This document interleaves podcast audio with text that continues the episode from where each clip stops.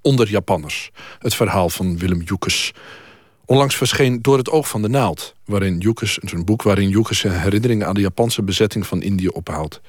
Herinneringen aan een periode waar de 96-jarige Joekes nu al bijna 70 jaar dagelijks aan terugdenkt. Aan zijn tijd bij het KNIL, het Koninklijk Nederlands-Indisch leger.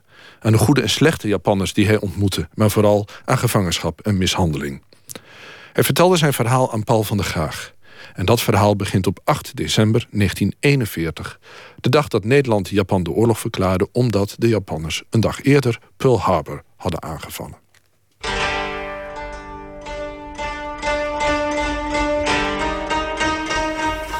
Rijksgenoten.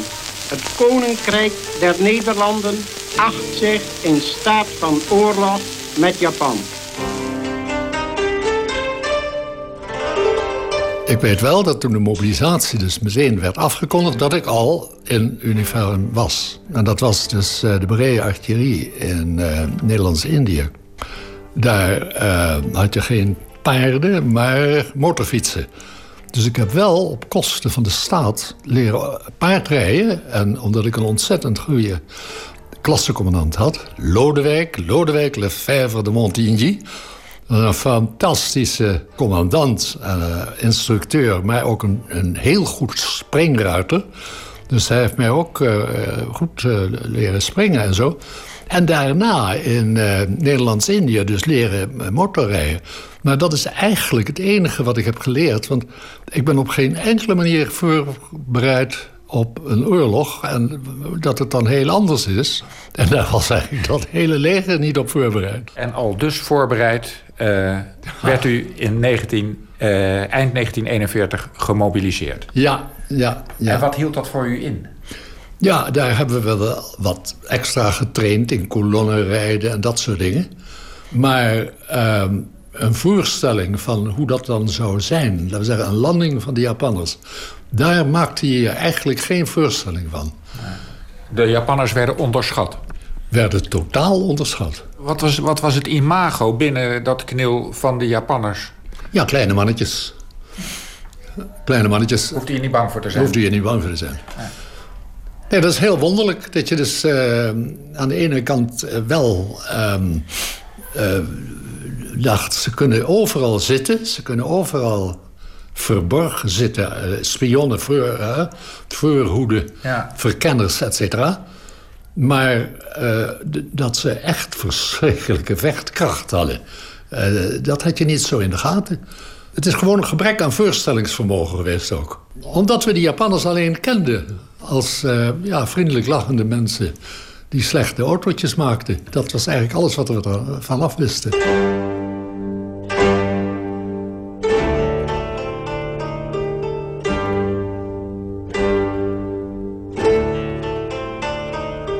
Maar u wist er meer van af, want u was al in Japan geweest. Ja, en ik wist dus dat het een vriendelijk volkje was. Ja.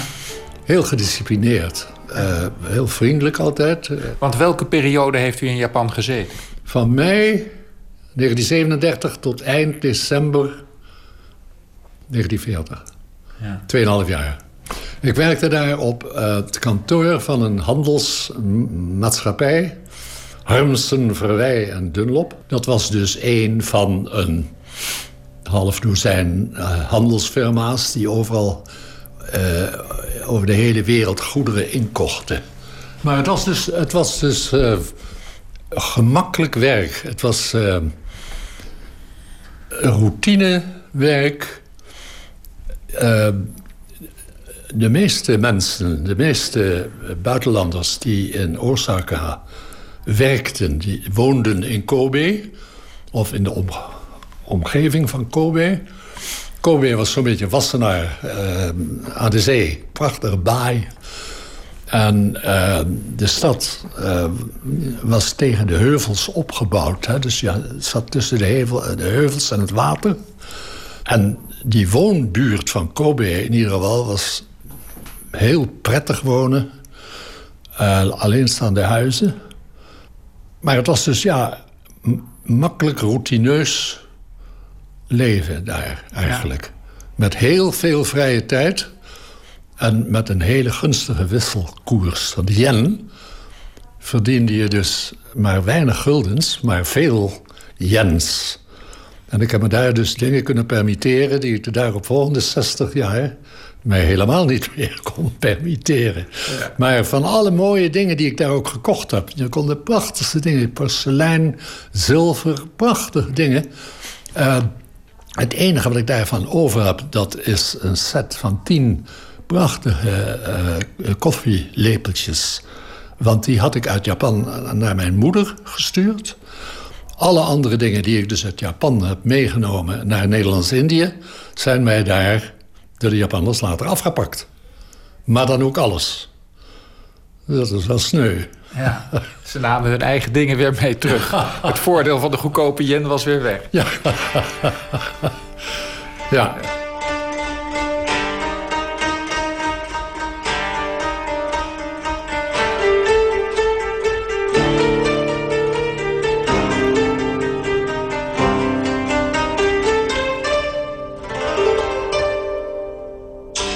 Hoe was het contact met de Japanners in de tijd dat u daar zat? Heel gering. Heel gering. Want juist de tijd dat ik daar kwam, het moet zijn geweest rond mei 1937, dat ze dus weer nieuwe aanvallen deden in China. En de instructies aan kranten en uh, radio, televisie had je natuurlijk nog niet toen, was dat de Japanners uh, geen persoonlijke contacten mochten onderhouden met buitenlanders. Want uh, alle buitenlanders waren spionnen. Dus uh, de enige Japanner waar ik dus wel openlijk mee heb gesproken... was mijn leraar Japans, meneer Kobayashi. Die had twee zoons die waren opgeroepen in militaire dienst. En die vond dat verschrikkelijk. Uh, dat is dus ook weer de zoveelste illustratie die je had dat de gemiddelde Japanner, die, die, die was helemaal niet oorlogszuchtig of wat dan ook. Ja, ja, dus ondanks die oorlog tegen China die bezig was toen u in Japan zat... merkte u niet veel van dat militarisme en die, die vechtlust van de Japanners? Dat merkte je niet. Alleen wel uh, herinner ik mij, dat moet zijn geweest in Osaka... dat ik op een ogenblik honderden schoolkinderen heb gezien langs een straat... Allemaal schoolkinderen met vlaggetjes. En uh, roepen en zingen, terwijl daar dus een hele militaire kolonne uh, door de straten trok. Maar u had op een gegeven moment ook een Japanse geliefde. Ik had een Japanse. Ah, dat was een schatje. Dat is zo'n lief kind. Maar daar werd ook weinig gesproken over uh, oorlog of, an ja, ja, ja. of andere zaken.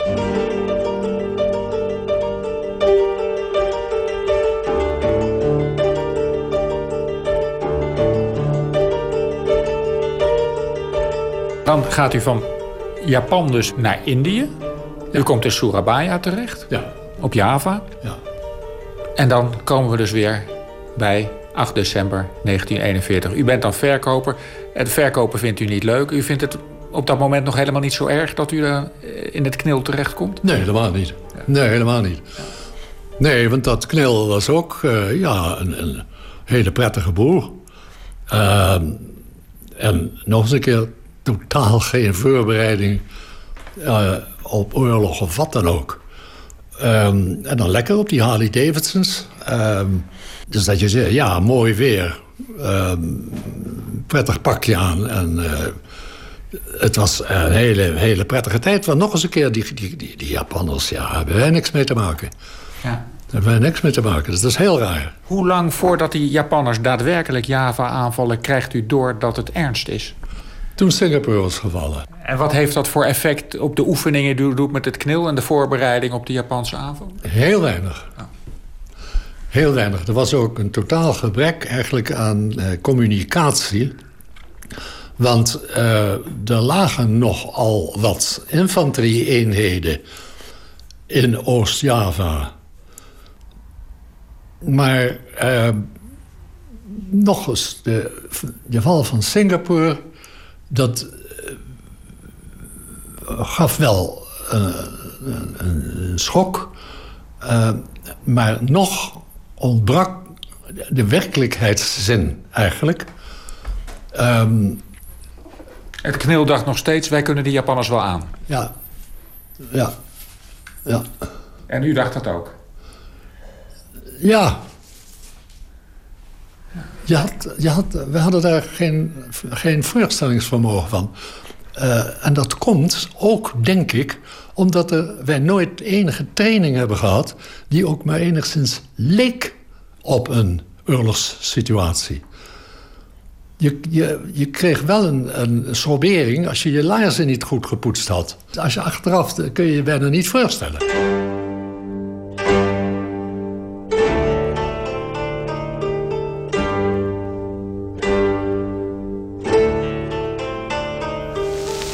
Nederland heeft niet geaarzeld zich onmiddellijk met moed te weren toen het in Europa boosaardig werd overvallen.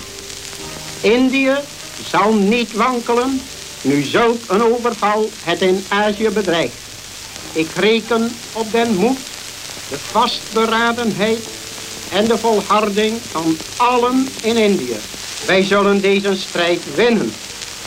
En ons koninkrijk zal krachtiger en meer dan ooit één onder onze vrije vlag staan. Betekent Wilhelmina.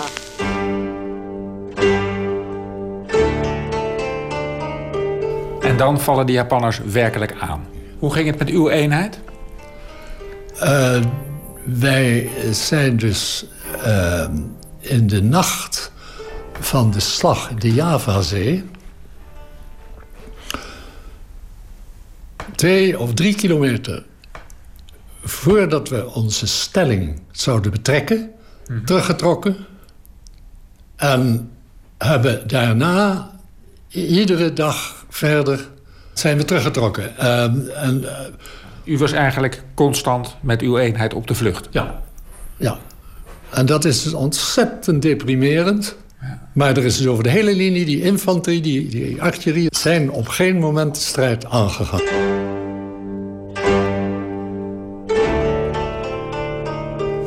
Na scherpe verdediging van twaalf dagen is het pleit beslist. Tegen een viervoudige overmacht te land, een tienvoudige in de lucht, is de strijd een desperate geworden. Indië ondergaat goed deels het lot van Nederland. Bezetting. Tezamen liggen Blank en Bruin, gouverneur-generaal en Javase Dessa-bewoners onder de voet des overweldigers.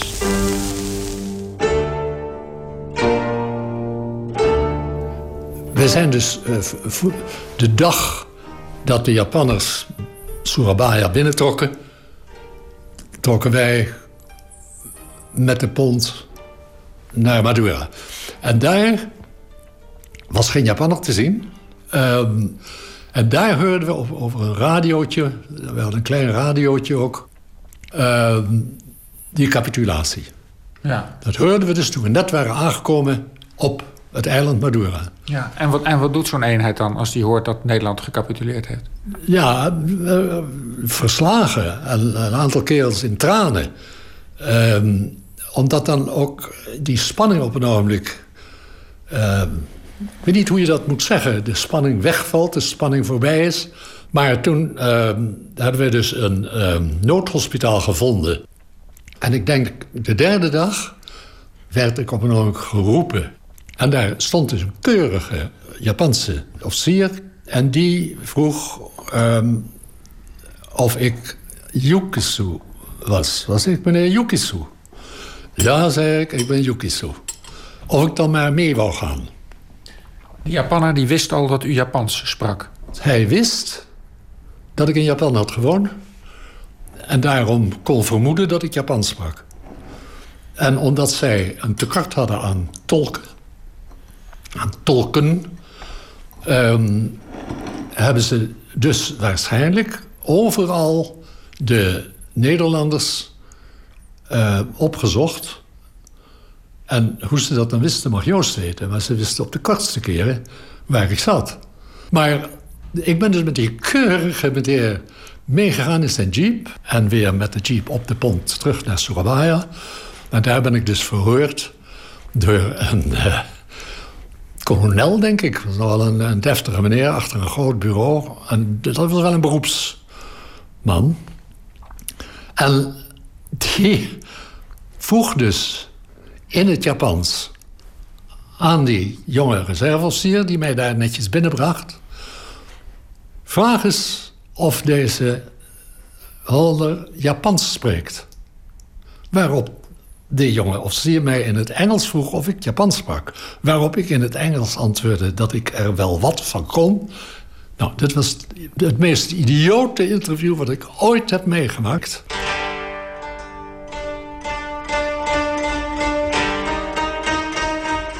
Maar tot mijn grote verwondering werd ik dus goed genoeg bevonden om als tolk te dienen.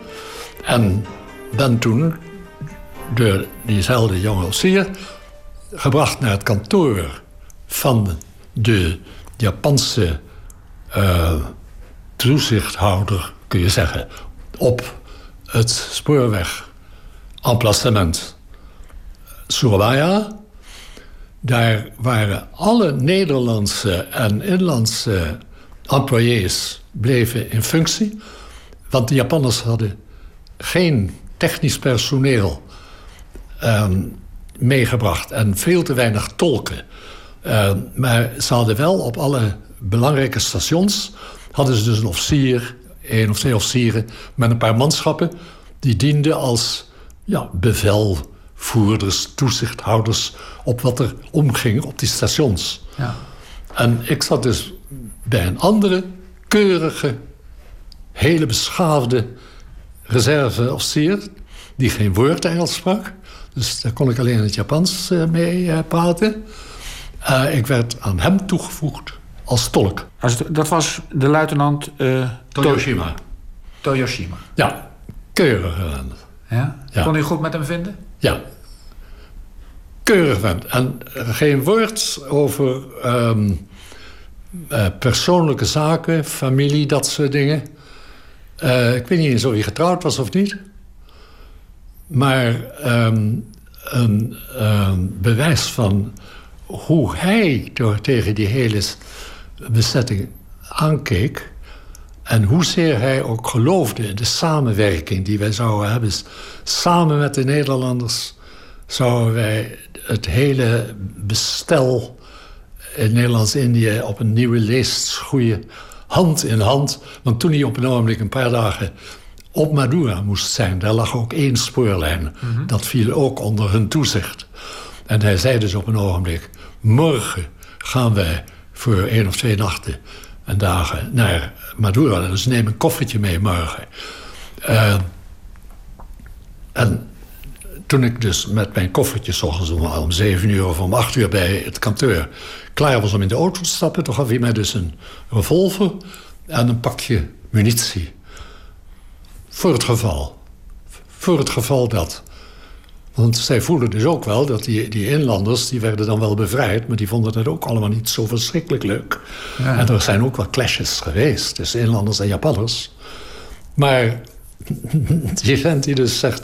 ik vertrouw jou 100%. Wij zijn vrienden en wij zullen elkaar niet belazeren. Hier is een pistool voor het nodig. Dat is toch heel bijzonder.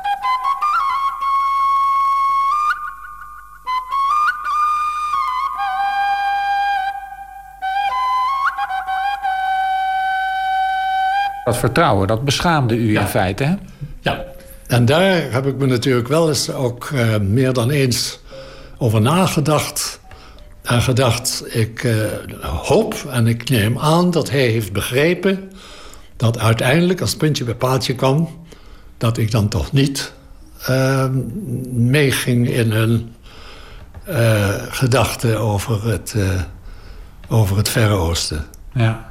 Want dat beschamen van vertrouwen, dat moet u even vertellen. U wordt op een gegeven moment, als u als tolk voor die luitenant werkt... benaderd door een Nederlandse tandarts, hè? Ja, ja. Ehm, en die zei, luister uh, doe je mee met een uh, intelligence-eenheid... kun jij via een Ambonese koerier... die eens in de week bij je langs zal komen mij laten weten wat voor troepenbewegingen er zijn geweest in en uit spoorwegen Surabaya. U kwam op die manier dus bij een soortement verzetsgroepje terecht. Ja, en toen ben ik dus op een ogenblik langs een heel andere route... op heel andere dingen, wapenbezit, gepakt. En als je dan uh, werd gebracht naar uh, de Kempitij, dus hun uh, Gestapo... dan ehm, is dat heel ehm, beklemmend. Maar je weet nog helemaal niet wat je allemaal te wachten staat.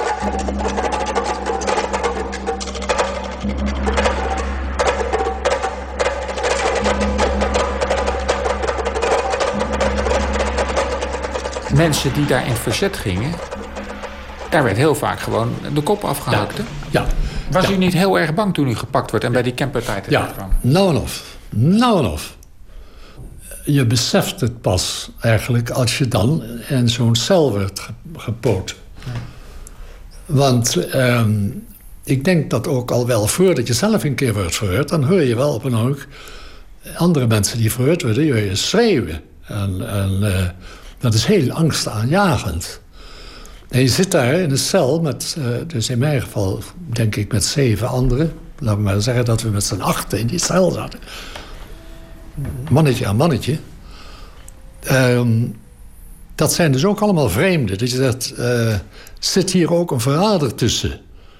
Ehm, hier moet ik niets zeggen dat mij kan bezwaren. Want misschien dat die Indische jongen die daar zit... dat zou best een verrader kunnen zijn.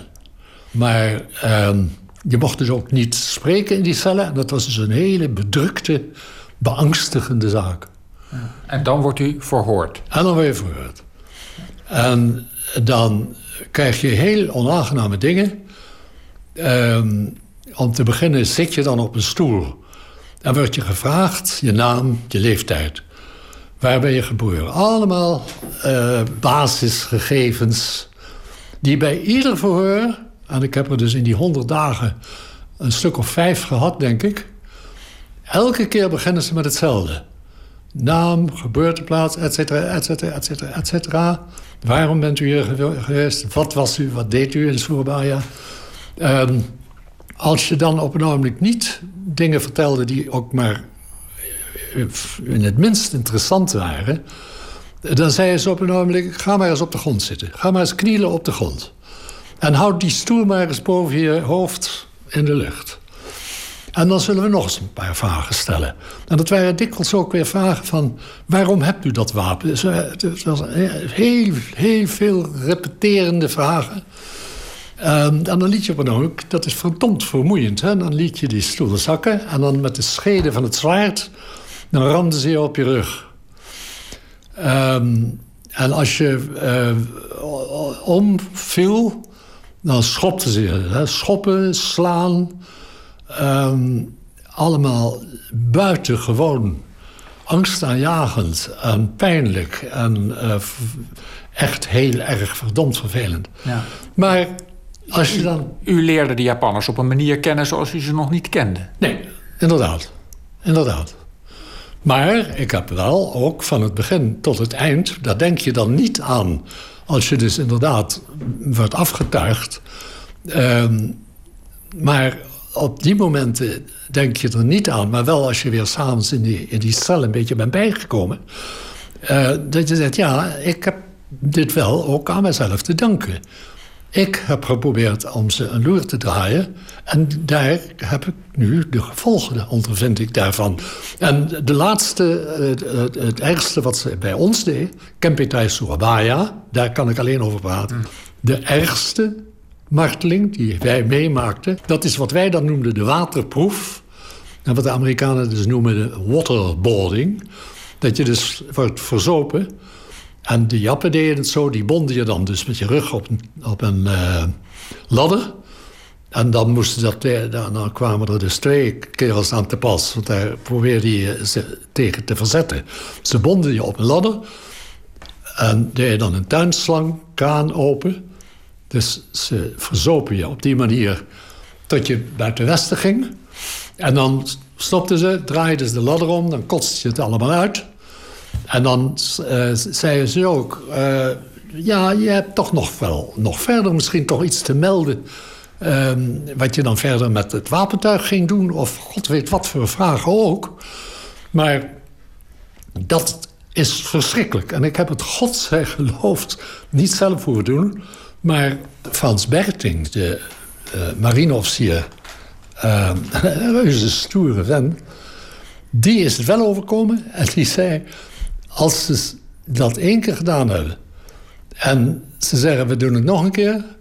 dan geef je alles toe wat je te lasten wordt gelegd. Want dat is het ergste wat je kan overkomen, dat, uh, dat uh, waterboarding.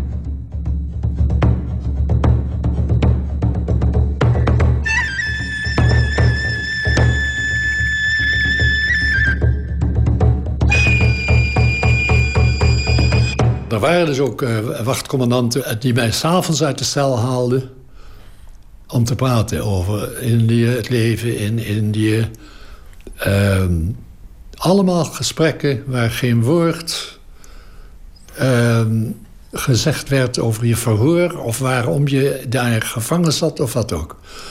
Die Japanners die dan praten over hun uh, thuissituatie...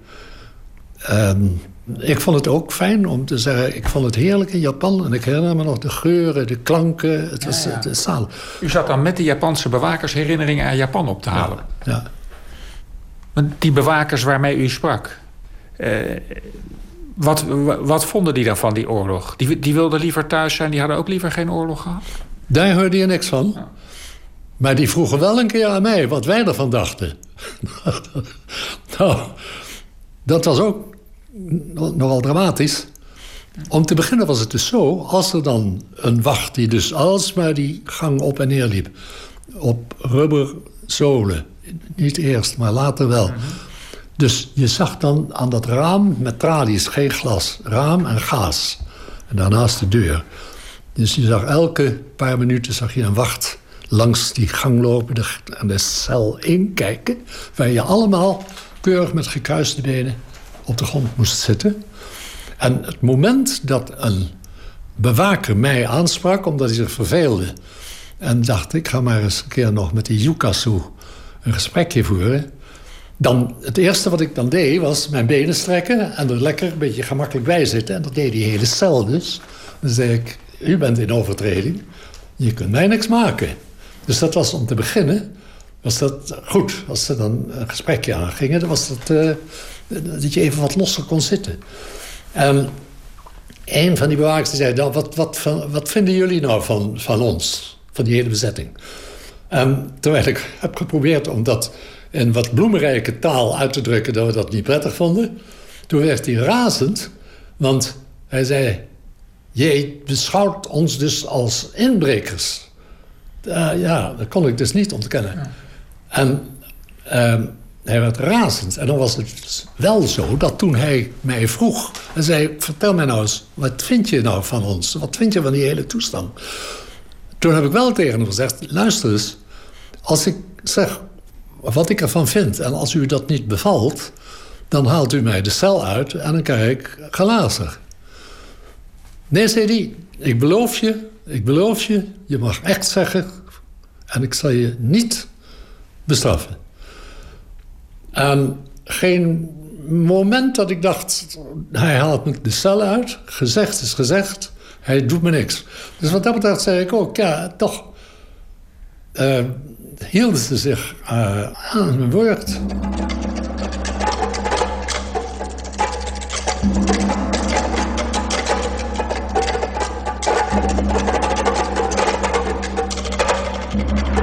Het tussenstation na 100 dagen Waarvan ik misschien vijf, zes keer verweerd ben. Met de trein naar het andere eind van Java, naar Jakarta, dus toen Batavia, naar de krijgsraad.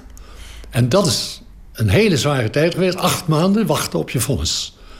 Grotere cellen, weer een heel ander regime. Maar um, daar kom je dan uit als een, uh, als een zombie. Want acht maanden overdag zitten en s'nachts liggen op dezelfde plek... in principe een uur per dag luchten. Soms een verluchting en vaak een extra kwelling. Dan ben je na acht maanden niet helemaal uitgehongerd, maar toch ook niet meer goed ter been. En dan ben je eigenlijk een zombie geworden. Dan, dan zou het je waarschijnlijk ook niet zoveel meer doen, denk ik, achteraf, als je de doodstraf zou krijgen. Ik denk dat je dan zegt, oh, zo, vooruit dan maar. Er was weinig van u over? Er was heel weinig over. Er was heel weinig over.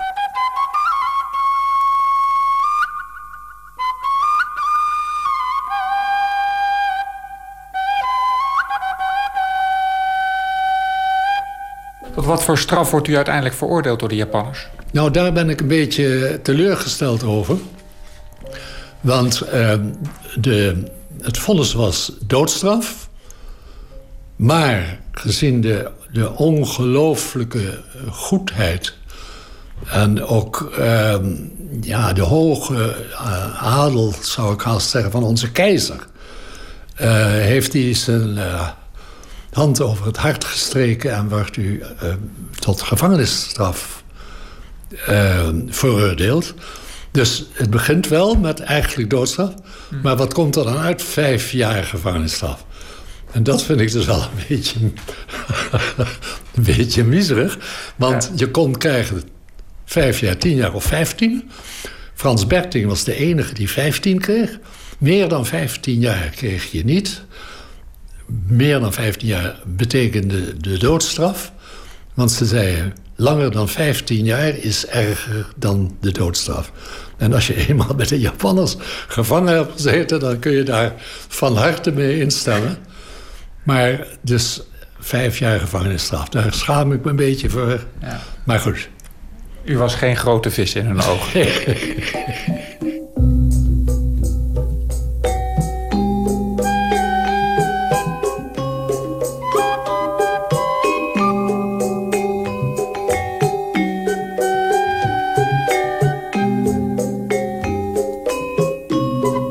wordt dan op een gegeven moment veroordeeld tot vijf jaar. Dan komt u in de gevangenis dan terecht. In de gevangenis. En hoe is het regime daar dan? Het regime daar was dus veel losser. Uh, om te beginnen mag je daar praten. En we zaten daar in kooien. Dus net een soort uh, ouderwetse dierentuin. Met tralies. Tralies aan de voorkant. Stenen muren aan de zijkant. Tralies um, boven. boven je. En als je daar doorheen liep, dan kwam je dus in het overdekte deel. Dat was een echte wc. Dat hadden we ook heel lang niet gezien. Uh, want in die gevangenissen is het allemaal in die, uh, hoe heet dat, die cellen. Uh, in de Kempita, in de krijgsraad. Daar staat dan in een hoek van de cel een grote houten bak met een metalen bak daarin met hengsels. En dat is dus de poepdoos.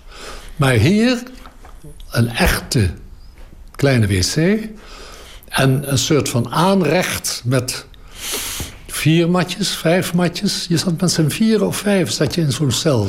Daar sliep je dus binnen. Buiten zat je dus um, op het grind matjes te vechten. Dat was dus een verademing.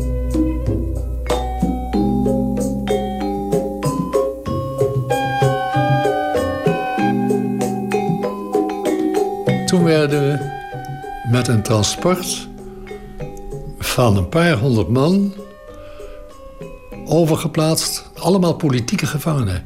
Uh, met een busje, een gedeels lopen, gedeeld met een busje, naar de trein.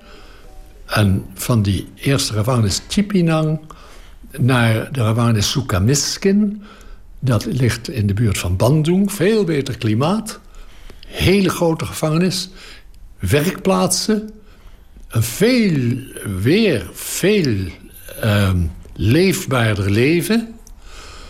Je zat wel met z'n drieën in cellen die gebouwd waren voor één. En daar ook wel andere dingen dat je zegt... ja, het was nog niet, niet dat je zegt... iets dat je voor jezelf zou uitkiezen... maar het was weer beter ook dan Chipinang. Ja. Maar na ook weer een stuk of acht maanden... werd je opnieuw naar een derde, voor ons de derde gevangenis gebracht. Um, een transport van, van 300 man. En die derde gevangenis in Amarawa... daar, dat was ook weer een echte ouderwetse... heel oude, 100 jaar, honderden jaar oude gevangenis... uit de Nederlandse tijd... En daar werden we verwelkomd. moesten ons in een lange rij opstellen, een dubbele rij.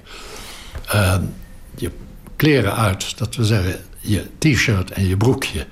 En dan uh, controle of je iets in je handen had of in je achterste of wat ook. Want je mocht absoluut niets mee naar binnen brengen. Maar die verwelkomde ons ook in het Maleis en zei... Hier komt niemand levend uit. I promise you, zeg ik dan in het Engels, maar hij zei het dus in het Maleis. En verdomd, dat van die 300 was na een half jaar waren er ook maar 100 over. Hoe kwam dat? Omdat je daar verhongerde.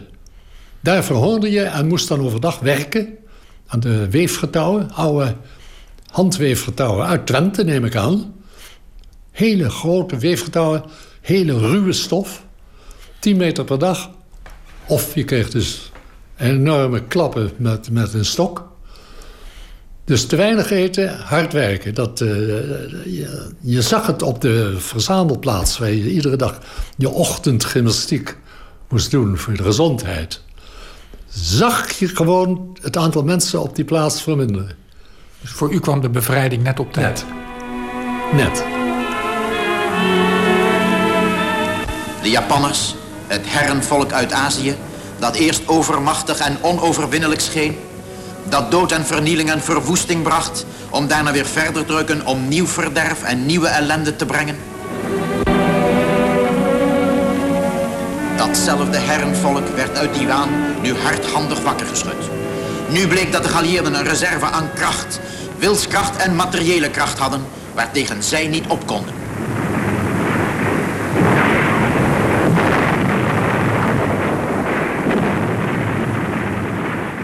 toen we op een ogenblik uh, moesten aantreden op de grote binnenplaats... En werden toegesproken door de Japanse kapitein. Die hadden we nooit eerder of nooit later gezien. Dat was dus de, de directeur van de gevangenis. En die zei dus, ik denk in het Maleis... dat de oorlog voorbij was. Nou, en daar heerste eigenlijk toen een, een, een stilte... terwijl wij al lang wisten... er waren al lang berichten naar binnen gecijpeld dat de Japanners het aan het verliezen waren. Ja. Maar desondanks, als je daar allemaal staat... en dan staat in Japans... ja, dat is dan altijd toch nog de directeur van de gevangenis. En als je niet oppast, krijg je alsnog een pak op je lazen. Dus geen, dat werd, geen gejuich. Geen gejuich. Maar wel de dag daarop... toen zaten wij in onze cel, werd niet gewerkt... We zaten in, in die grote cel met acht mensen misschien... Um, en er ging gejuich ging erop uit de binnenplaats. En de meeste mensen die, die gingen zo snel ze konden... naar dat getraliede venster zonder glas, alleen maar tralies. En daar kwamen dus de grote poort van buiten naar de grote binnenplaats. Daar kwamen twee Nederlanders binnen. Ik neem aan dat dat Nederlanders zijn, met scherpen. En toen was er een razend gejuich. En het deed me niks. Het deed me helemaal niks. Ik dacht, nou, ja, we zullen wel zien. Maar dat je dacht, oh, wat heerlijk, we zijn bevrijd. Nee, I couldn't care less. Dat was heel gek. Ja, omdat ik dus op sterven na dood was. Echt waar. 51 kilo. 1,89. En dan 51 kilo, dan is er inderdaad ontzettend weinig meer over.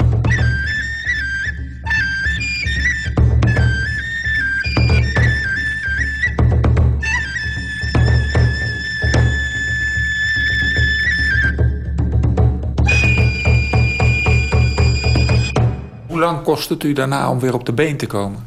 Nou, na een maand, zes weken in het vrouwenkamp... onder de hoede van mijn nicht van Wulften Palte... Joke van Wulften Palte in een vrouwenkamp in Smaren. Daar eh, kreeg ik goed te eten, et. Ik denk dat ik na zes weken ongeveer... op een ogenblik de stoute schoenen aantrok. Met hele mooie sportplinje van de Engelsen. Die hadden dus een civiele afdeling met kleren. En wat ik van hen kreeg van kleren was, laten we zeggen, Engelse sportuitrusting. Kaki, kaki, uh, lange uh, schoenen. En toen ik na een week of zes goed genoeg was om eens even buiten dat vrouwenkamp te, te, te komen, dat dus werd bewaakt door dezelfde Japanners die dus drie jaar lang hadden gezorgd dat die vrouwen er niet uitkwamen. En meteen na de capitulatie rechtsomkeert en nu zorgen dat de, inlanders die vrouwenkampen niet gaan rampokken, gaan beroven. Want die inlanders die hadden dus honderdduizenden jongelui opgehitst al van hun schooljaren af. Sla die Hollanders dood als je de kans krijgt.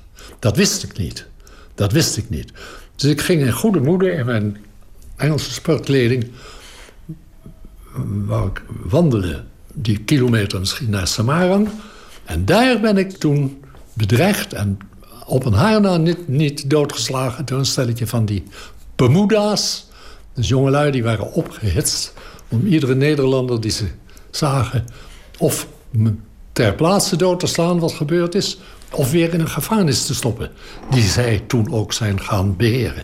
Dus ik ben bijna ter dood veroordeeld. Ik ben bijna verhongerd. En het ergste, echt dat je zegt... nou, maar dat was een kwestie van seconden... bijna doodgeslagen door die Bermuda's. Hoe weet u dan te ontsnappen? Door te zeggen, what's the problem, boys? You English. Yeah, what's the problem? Oh, you English. Dat heeft me mijn leven gered. Dat is dan ook een ingeving die zei, waar komt die vandaan? Ja, daarna bent u dat vrouwenkamp niet meer uit geweest? Nee. nee.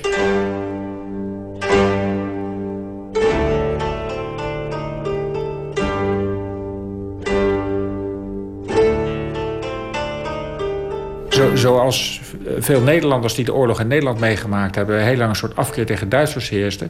was voor veel Indische Nederlanders die uiteindelijk gerepatrieerd werden hierheen... was de Jap zo'n beetje het symbool van het kwaad. Ik heb de indruk voor u niet.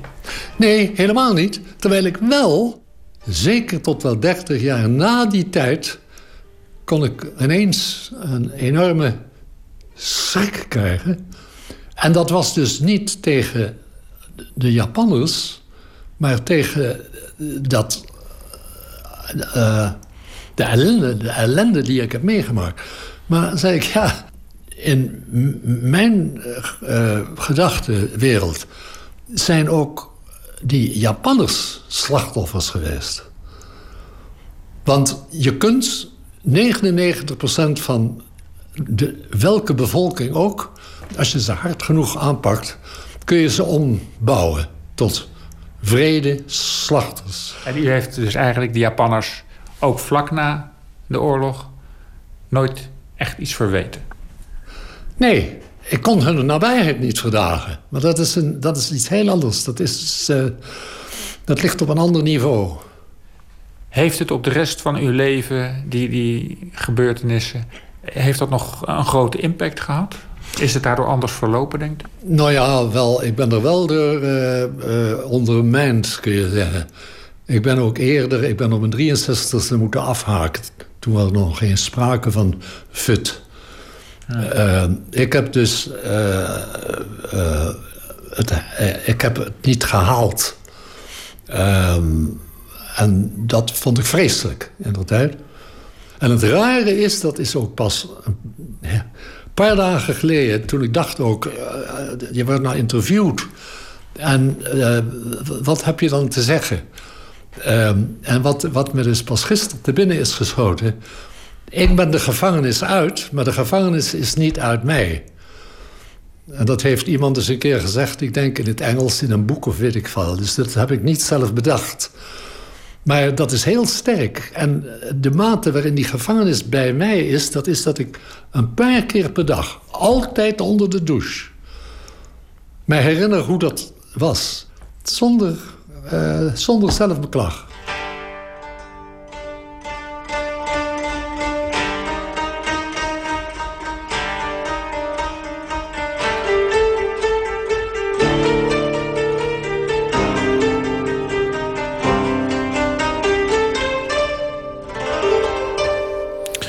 Dit was Onder Japanners, het verhaal van Willem Joekes... die zijn herinneringen onlangs ook op papier zette in het boek... getiteld Door het oog van de naald, uitgegeven bij uitgeverij Aspect...